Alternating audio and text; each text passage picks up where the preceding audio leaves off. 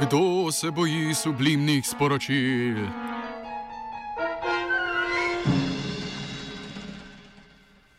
Gotovo se spomnite dokumentarcev o praksi sublimnih sporočil, ko naj bi v filmski trak bile umeščene sličice Coca-Cole ali pokovke na način, da jih gledalec sicer ne zazna vestno, temveč se usedejo v nezavedno.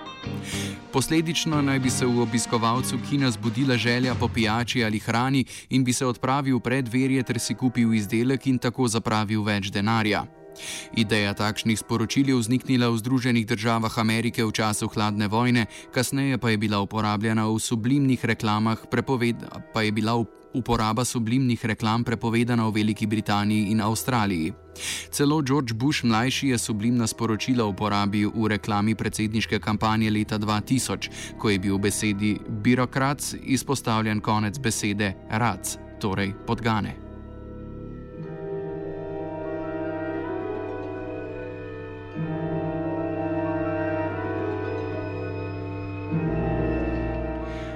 Sodišče v Istanbulu je konec preteklega tedna zaključilo s prvim krogom zaslišanj v prvem procesu proti novinarjem na osnovi obtožb sodelovanja v državnem udaru 15. julija.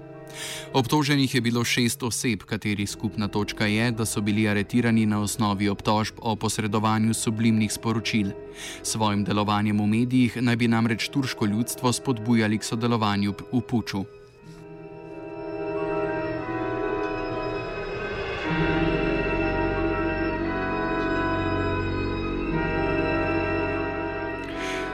V prvem primeru sodnih zaslišanj novinarjev po spodletelem državnem udaru je tako šest oseb: Mehmet Altan, ekonomist in novinar, njegov brat Ahmed Altan, literat in novinar, novinarka in literatka Nazli Iličak ter trije nekdani zaposleni zaprtega časopisa Zaman, Jakub Šimšek, Feuzi Jaziči in Tibet Murat Sanliman.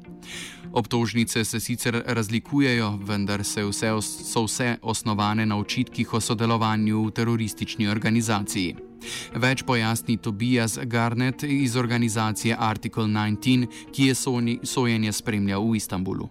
There's a group of um, six journalists um, who, whose charges, the charges that they face are slightly different, and the grouping of these journalists together is not because they're accused of the same thing. They're grouped together just for administrative purposes because there are so many cases to process that they just group they just group cases together. But but the charges largely revolve around uh, two things. One is um, uh, either membership of a terrorist organization or or support of a terrorist organization without without being a member. Uh, and the other charge that they face, uh, many of these uh, journalists, is for uh, involvement in last July's uh, failed coup. Um, so those are the two charges, really.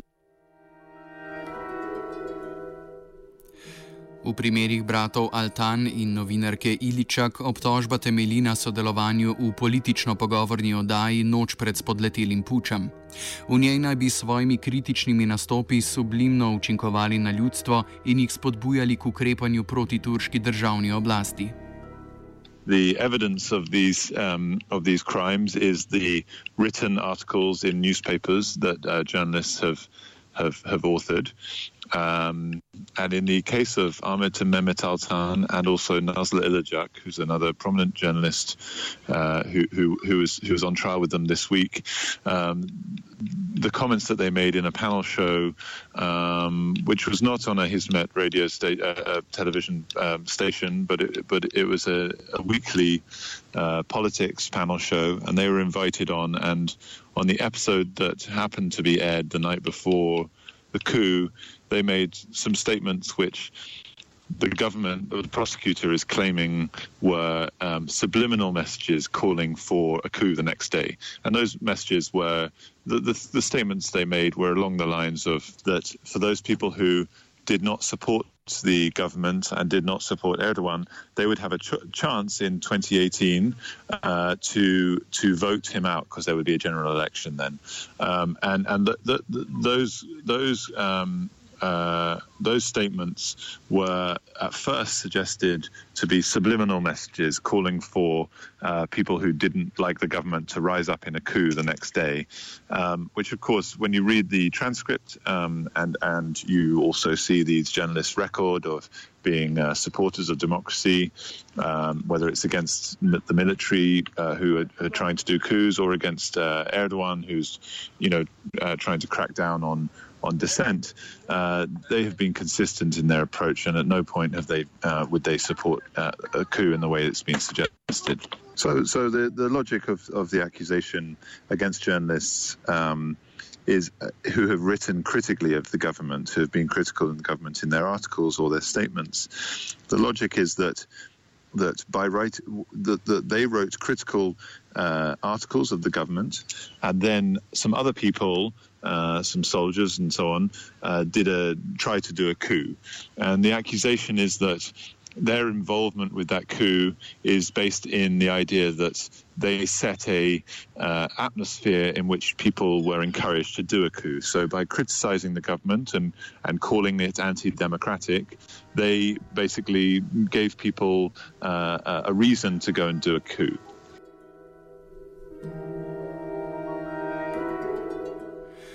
Časopisna hiša Zaman je bila po raciji policije lani marca zaprta in pospravljena pod državni nadzor. Tožilec skupini treh očita sodelovanje v pripravi reklame z elementi sublimnih sporočil.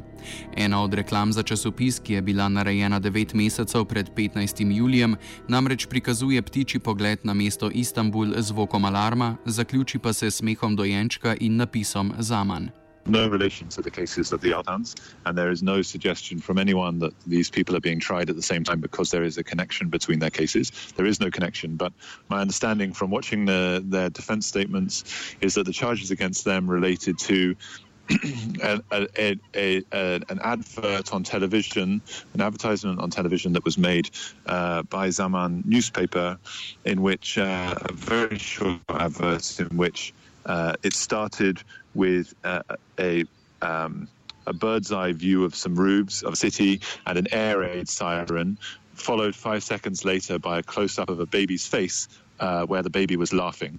And this uh, uh, advert for Zaman newspaper, although it's very strange, uh, came out about nine months before the coup ended up happening. It was it was on TV about nine months before the coup, and the claim from the prosecutor is that what this that this is more subliminal messaging in this, in this advert that we see that by having this air raid siren we're meant to believe that things are all bad in Turkey now uh, and that by seeing this laughing baby we're meant to understand that things are going to be happy again in 9 months time when the baby is born i.e. when the coup happens now even explaining that sounds ridiculous. Um, and as I say, I'm not familiar with their case uh, to the same extent but uh, that, that those those seem to be the charges that were made against them, and the people on in, in, in court. Those other three people are are somehow related to the making of that advert. Although my understanding from the courtroom is that many of those people were had very very minor roles in making that advert and, and really were not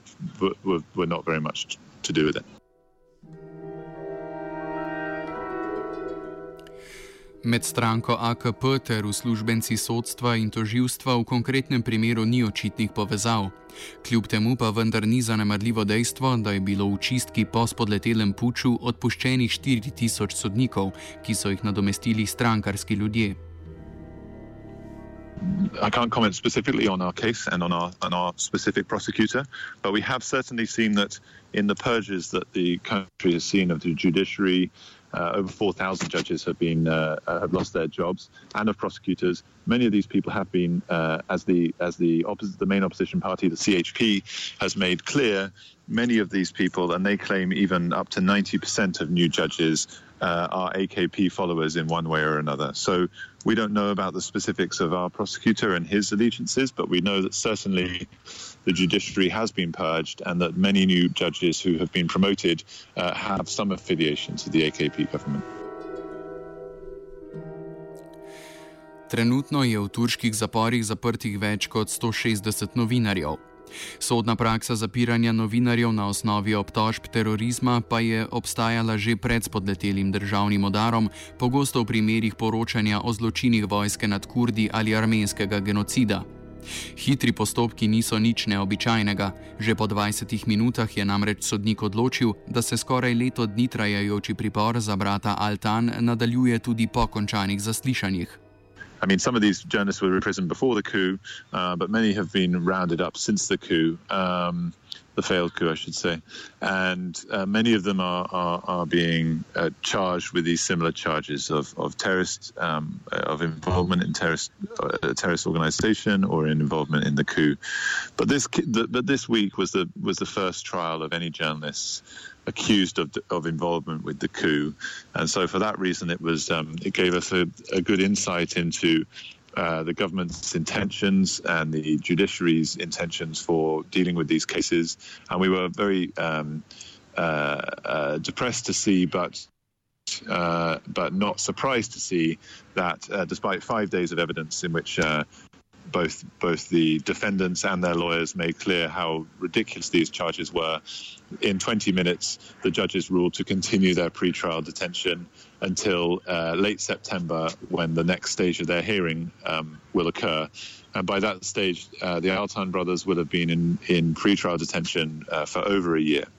So we're waiting for uh, justice to come to Turkey on these cases. We're waiting for the cases to be uh, concluded, and we're we're hoping that um, that the judges will see that these charges are ridiculous. Primer treh novinarjev je prvi primer kazenskega pregona na osnovi obtožb terorizma in sodelovanja pri spodletelem državnem udaru. Na podobno obravnavo pa čaka še vrsta drugih novinarjev v turških zaporih, zaključuje Tobias. Their case uh, is important because it shows um, both what the government intends to do with this over 100 group of over 160 journalists uh, in prison, and it shows uh, also how Turkey is going to look to treat uh, freedom of expression and, and freedom of the media uh, going forward. So, so this this high-profile trial also offers us an opportunity to measure the uh, continuing independence of the judiciary in Turkey, and uh, in the in the wake of all of the purges that have happened and the intimidation of the judiciary uh, through those purges and through statements from the government about uh, uh, judgments that the government don't agree with. Um, this trial, when we see the final uh, result, will show us whether there is still an independent judiciary in Turkey or whether that independence has been removed recently. Sublimnih sporočil vam ni pošiljal Jošt.